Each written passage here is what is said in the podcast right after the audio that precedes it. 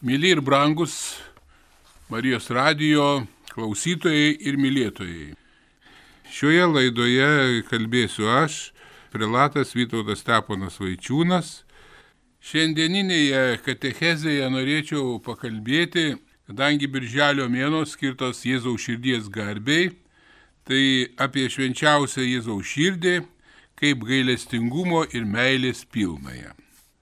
Dievo gailestingumas aišku, jau apsireiškia ir Senajam testamente, bet ypatingai konkrečiai apsireiškia Jėzaus Kristaus asmenyje.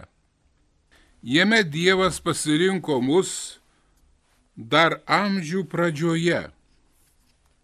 Kas mato jį, mato tėvą, kaip skaitome Jono Evangelijoje. Laiške žydams sakoma, kad būtų gailestingas ir ištikimas Dievui vyriausiasis kunigas, jis turėjo visą kuo tapti panašus į mus, kaip skaitom laiškė žydams. Jis yra malonės sostas, prie kurio visiškai pasitikėdami galime artintis, kad rastume gailestingumą ir malonę. Jėzus Kristus žmogumi tapęs Dievo sūnus, ir yra tas didysis gailestingosios meilės sostas. Jėzaus širdies garbinimas daugelį šimtmečių buvo ypatinga tikėjimo Jėzuje Kristuje preikšta Dievo meilė ir gailestingumą išraiška. Tačiau šiandien dažnai jis mums yra tapęs svetimas. Prie to prisidėjo ir liturginis judėjimas, įnešęs į pamaldumą kaip tik naujų akcentų. Jėzaus širdies garbinimo sumažėjimui įtakos turėjo ir Jėzaus širdies atvaizdai, kurie pasiekė mus iš 18-19 amžiaus. Minėti paveikslai ir paveikslėliai vaizduojantis Jėzų su perdurta, dažnai erškėčių karūną vainikuota širdimi, mums šių dienų žmonėms atrodo nediskretiški, net neskoningi ir pavadintume kičiai. Taip pat ir teologinių požiūrių jie yra abejotini, nes koncentruojasi į fizinę Jėzaus širdį užuot pristatydami ją kaip seniausią bendrabojišką šimbolį ir kaip žmogaus vidaus centrą. Trumpa šios pamaldumo praktikos istorinė apžvalga gali padėti kaip tik pralaužti tą fizinę Jėzaus širdimi apribotą susiaurinimą ir vėl prasiskverbti iki Jėzaus širdies garbinimo centro ir giliausios prasmės. Pirmiausia, reikia pasakyti, kad Jėzaus širdies garbinimas kaip tik turi biblinės šaknis.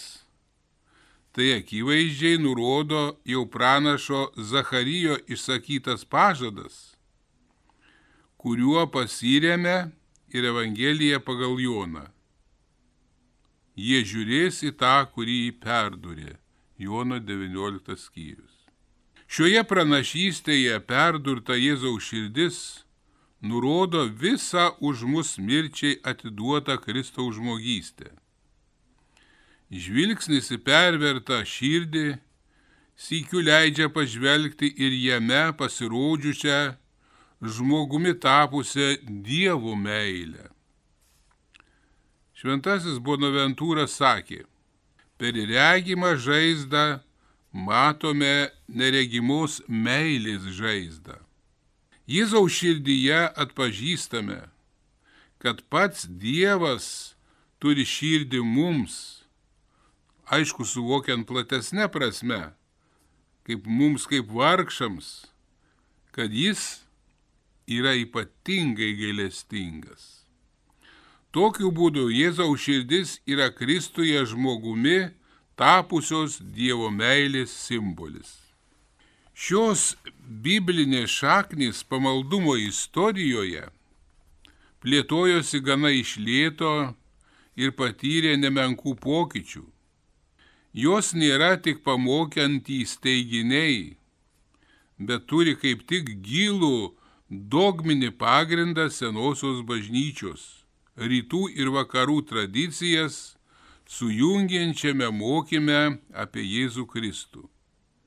Bažnyčios mokymas užtvirtino, kad Jėzus Kristus vienas ir tas pats yra tikras Dievas ir tikras žmogus. Šia prasme bažnyčia kalba apie vieną hipostazę, vieną Jėzaus Kristaus asmenį dviejose prigimtyse. Tuo remiantis jau Efezo susirinkimas 431 metais ir dar kartą Konstantinopolio antrasis susirinkimas 553 metais, kaip tik ten buvo priimta, kad Jėzuje Kristuje dievystėj ir žmogystėj priklauso nepadalytas garbinimas. Taip, kad dievystės garbinimas yra neatskiriamas nuo žmogystės. Todėl Jėzaus širdžiai, kaip esminiai visumos daliai ir kaip simboliniam Jėzaus žmogystės centrui, kaip tik priklauso aukščiausias garbinimas. Ankstyvųjų susirinkimų dogminės kristologijos kontekste privalu už mus ir dėl mūsų išganytojo kenčiančią Jėzaus širdį suprasti kaip paties Dievo sūnaus kančią. Žmogumi tapusio Dievo sūnaus širdyje plaka ir kenčia paties Dievo sūnaus širdis. Dėl to popiežius Pijus XI Jėzaus širdies garbinimą galėjo apibūdinti kaip visos religijos esmę. Nagrinėdami Jėzaus širdies garbinimo pamaldumo pavydalus bažnyčios tėvų laikotarpyje galima paremti turiningų šios temos pristatymu. Bažnyčios tėvai nurodydavo į Jėzaus žodžius, kad iš jo vidaus tekės gyvojo vandens srovės skaitome Jono Evangelijoje 7 skyriuje. Šį teiginį jie aiškino akcentuodami, kad iš jėtimi perverto Jėzaus šono, aišku, širdies, ištekėjo kraujas ir vanduo.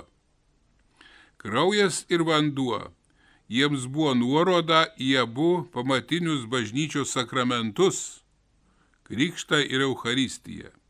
Dėl tokio išeities taško bažnyčios tėvų Jėzaus širdies garbinimas turėjo objektyviai sakramentinį ir netgi eucharistinį atspalvį. Šventasis Augustinas Jėzaus širdies atvėrimą aiškino taip. Tokiu būdu buvo atvertos gyvenimo duris tenai, iš kur ištekėjo bažnyčios sakramentai, be kurių neįmanoma pasiekti gyvenimo, kuris yra tikrasis gyvenimas. Ši Kristaus mistika toliau buvo plėtojama ypatingai viduramžių moterų mistikoje.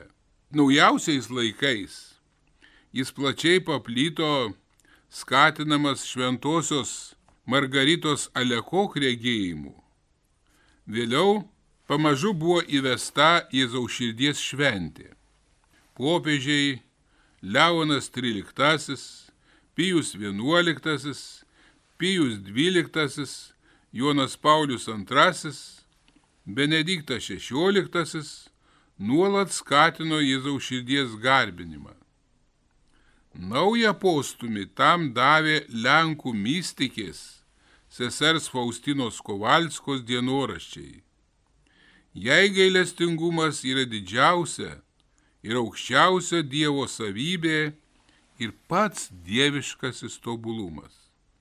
Šventasis Jonas Paulius II, atsižvelgdamas į 20-ojo amžiaus patirties baisybės, suprato šią žinę kaip svarbiausią žinę skelbtą 21 amžiui. Nuomonės apie paskutinių šimtmečių Jėzaus širdies atvaizdų meniškumą, taip pat apie Jėzaus širdies paveikslą, siejamas su seserimi Faustina, gali aišku skirtis. Tačiau tokie su meniniu skoniu susiję klausimai neturėtų nukreipti žvilgsnio nuo daug svarbesnio fakto, kad naujųjų laikų Jėzaus širdies garbinimas plito prasidedančios apšvietos ir sekularizacijos kontekste, taip pat laiku, kada vis labiau ryškėjo Dievo nebuvimo, net jo mirties patirtis. Golgotos tamsa nuo tada įsiveržė ir apgaubė pasaulį kaip Dievo užtemimas mirštančio tikėjimo į Dievą vidunaktyje ir vis augant pasaulio nejautrumui ir abejingumui, Jėzuje Kristuje įkūnytai Dievo meiliai, Jėzaus širdyje galima patirti Dievo kančią dėl šio pasaulio ir jo niekada neįsenkačią meilę mums žmonėms. Pervertoje savo sunaus širdyje, Dievas mums rodo, kad jis žengė iki kraštutinumo, įdant savo sunaus savanoriškoje mirties kančioje, iškentėtų neišmatuojamą pasaulio kančią, mūsų kietą širdiškumą bei atšiaurumą, juos atpirktų. Vanduo ir kraujas tekantis iš jo pervertos širdies, krikšte nuplauna nuo mūsų visą purvą ir nešvarumus, kurie susikaupė pasaulyje ir mumyse, o Euharistijoje malšina mūsų troškulį, kai siekiame kažko daugiau, nei gali mums suteikti aplink esančios banalybės. Kristaus krauju pagirdik mane, vandenyje iš Kristaus šono, nuplauk mane. Kokia graži Švento Ignaco lojolos malda, Kristaus siela, anima, Kristi žodžiai. Biblinė patristinė ir dogmatinių požiūrių atnaujinta Jėzaus širdies pamaldumo samprata, atitolinančią mūsų šiandieninį pajūtimą, iliustruoja du vaizdiniai iš Evangelijos pagal Joną. Pirmasis - tai mylimas mokinys glaudžiasi prie Jėzaus krūtinės. Jono Evangelijoje 13 skyrius. Ši scena viduramžių mene tapo simboliniu Kristaus meilės atvaizdu. Ja vaizduojant parodoma, kad pačiame neramumų centre ir pasaulio šurmulyje yra vieta, kurioje galima atrasti vidinę ramybę ir taiką. Antrasis vaizdinys - tai vadinamo netikinčio Tomo susitikimas su prisikėlusiu viešpačiu. Skeptiškai nusiteikęs Tomas patiki tik tada, kai įleidžia pirštą į prisikėlimu perkeistą žaizdą Jėzaus šonę. Šis susitikimas gali būti reikšmingas būtent mūsų laikų žmogui, kuris kaip tik kelia klausimus. Visigi mes tam tikrą prasme esame kaip tas netikintis kabutėse Tomas. Kaip ir Tomas, mes taip pat dažnai neskubame tiesiog patikėti kito žodžiais Kaip ir Tomas, mes įtikime tik asmeniškai susitikę su prisikėlusiu viešpačiu. Mes negalime, kaip Marija Magdalietė, fiziškai jo paliesti ar įdėti savo pirštą į jo vos dar atvirą žaizdą šonę. Tačiau perverta Jėzaus širdis, dvasinė prasme, mums taip pat gali pagelbėti visą savo sybę priimti dėl mūsų sužeistą Dievo meilę.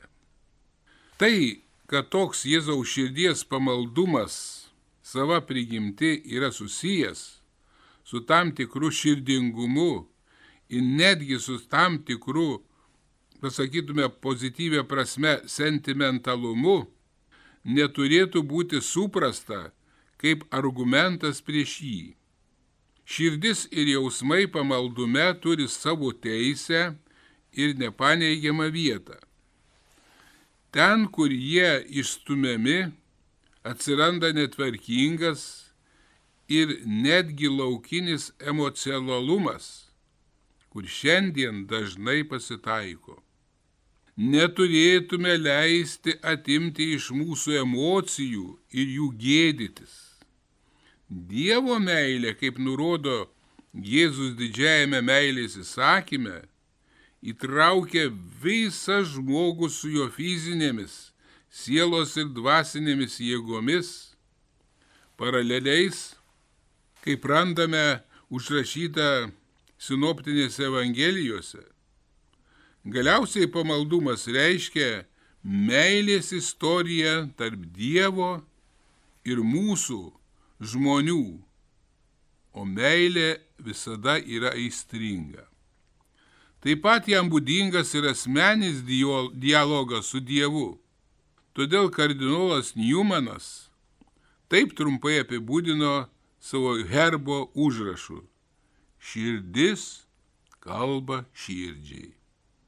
Mūsų asmeninis susitikimas negali pasilikti vien tik asmeninėje srityje jis privalo atsiverti visiems kenčiantiems šalia mūsų ir aplink mus. Žvelgdami į pervertą Jėzaus širdį, patiriame, kad Dievas taip pamilo pasaulį, jog atidavė savo vienatinį sūnų. Tokiu būdu mums leista ir mes galime dalyvauti Dievo kančioje ir solidarizuoti su visais, kurie kenčia šio pasaulio tamsybės ir žiaurumus. Su Jėzumi galime pasinerti į pasaulio Golgotos naktį, ištverti ją kartu su juo, iškentėti, pavaduojant daugelį žmonių. Visa bažnyčia, kaip Kristaus kūnas šventoje dvasioje, dalyvauja Kristaus agonijoje pasaulyje. Taip bažnyčia kaip Kristaus kūnas gali pavaduojančiai dalyvauti pasaulio kančioje, ją kartu kentėti ir iškentėti. Visiškoje pasaulio naktyje, žvelgdami ir pervertą Jėzaus širdį, žinome, kad joje plaka Dievo širdis mūsų pasauliui. Tai pasaulio širdis, jo giliausia jėga ir visa viltis. Dėl to galime ištverti didžiojo penktadienio tamsą, tvirtai tikėdami, kad išaus naujas ir amžinas prisikėlimo rytas. Ir būtume tikri, kad nei gyvenimas, nei mirtis negalės mūsų atskirti nuo Dievo meilės Jėzuje Kristuje, kaip skaitome laiške romėnams 8 skyriuje. Todėl, brangieji, šioje giliausioje iš visų gyvenimo tikėjimų vietoje turime dar kartą akimirkai susitelkti ir paklausti, ar Dievas gali kentėti? Ar Dievas gali būti kažkas daugiau nei su užuojauta žvelgiantis Dievas?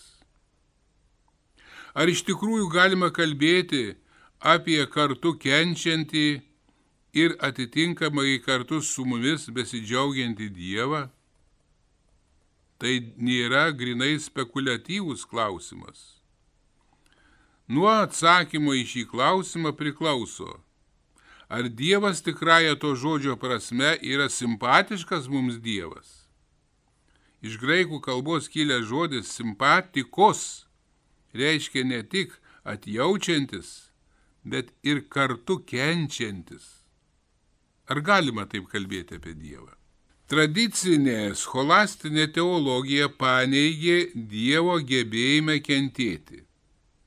Jau antikinė filosofija buvo įsitikinusi, kad Dievas negali kentėti.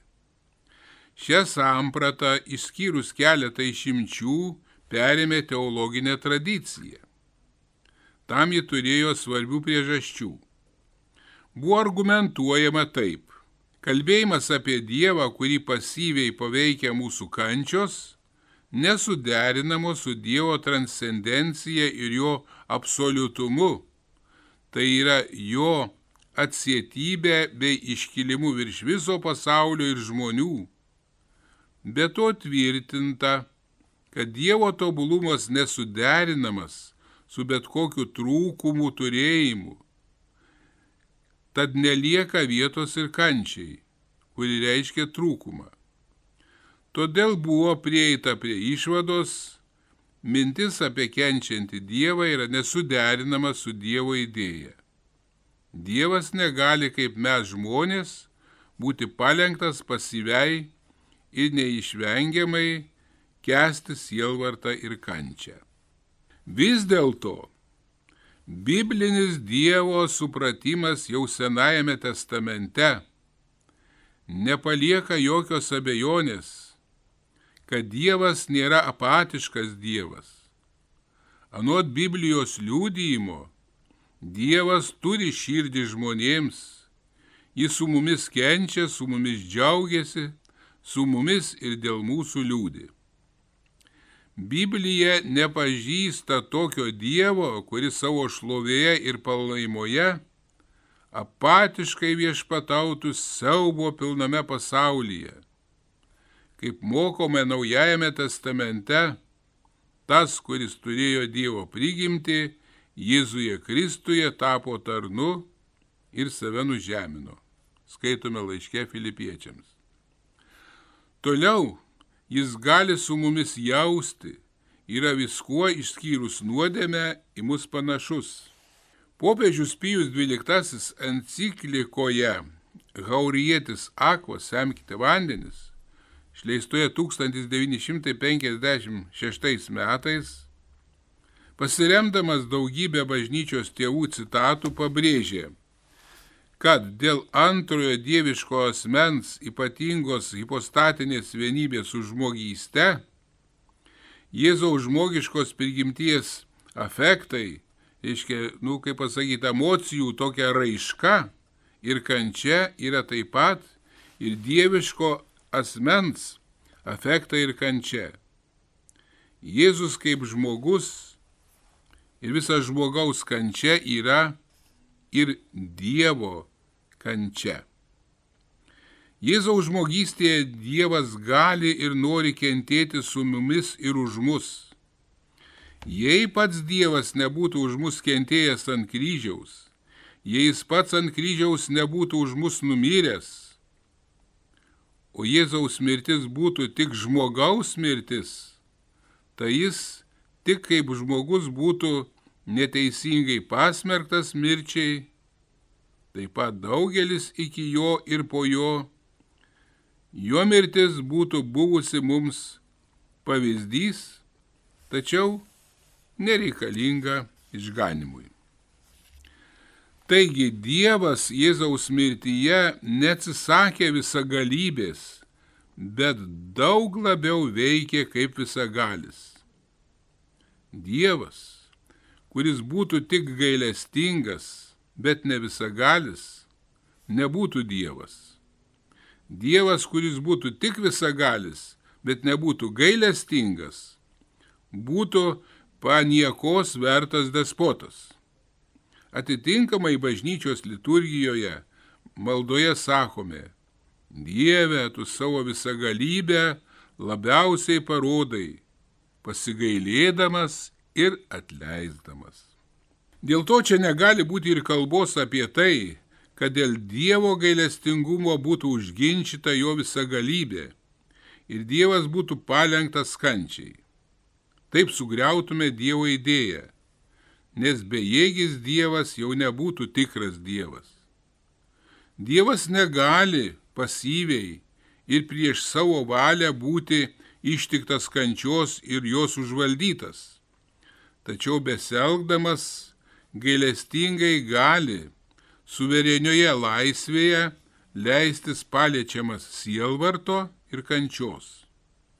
Būdamas gailestingas, Dievas parodo esantis suverenus ir laisvas. Jo gailestingumas nėra nulemtas žmogaus vargo ir kančios. Tai maloningas Dievo pasirinkimas leistis būti paliestam ir sujaudintam žmonių sielvarto ir kančios. Taip šiandien dauguma katalikų ir ortodoksų bei evangelikų teologų kalba apie Dievo gebėjimą kentėti ir jo kentėjimą kartu su mumis. Popiežius Benediktas XVI taip pat sakė panašią mintį. Žmogus Dievui toks brangus, kad jis pats tapo žmogumi, jog galėtų su žmogumi drauge kentėti. Tad į visą žmogiškąją kančią įžengė drauge su mumis kenčiantysis ir kančia drauge nešantysis. Tad kiekvienoje kančioje glūdi ypatinga būsena drauge kenčiančio Dievo meilės paguoda ir todėl yra patekėjusi žmonijai tikrai, galim sakyti, vilties žvaigždė. Šios teologinės ir dvasinės išvalgos nušviečia visą Dievo gailestingumo gylį bei nepriepiamumą ir veda gilin į Dievo slėpinį.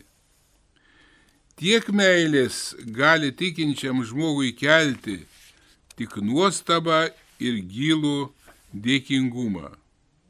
Už mus, už mane Dievas viską atliko, iškentėjo. Jis prisėmė savo mūsų kaltę. Štai kodėl jis yra iš tikrųjų pats gailestingumas ir nori, kad mes labai samoningai būtume gailestingi kitiems. Nelengvas uždavinys. Dažniausiai kyla neapykanta, kerštas, net leisiu, nedovanosiu. Tad šį mėnesį ypatingai, kuris skirtas Jėzaus širdies meiliai gerumui gailestingumui ne tik prisiminti, bet ir suprasti giliai, te paskatina mus pačius dar būti samoningesniais, pavyzdingesniais žmonėmis ir katalikais, kad iš tikrųjų Jėzui nereikėtų kentėti dėl mūsų klaidų. Kaip jis mums gailestingas, taip ir mes būkime gailestingi vieni kitiems. Šiandien jums kalbėjo prilatas Vytautas Steponas Vaičiūnas.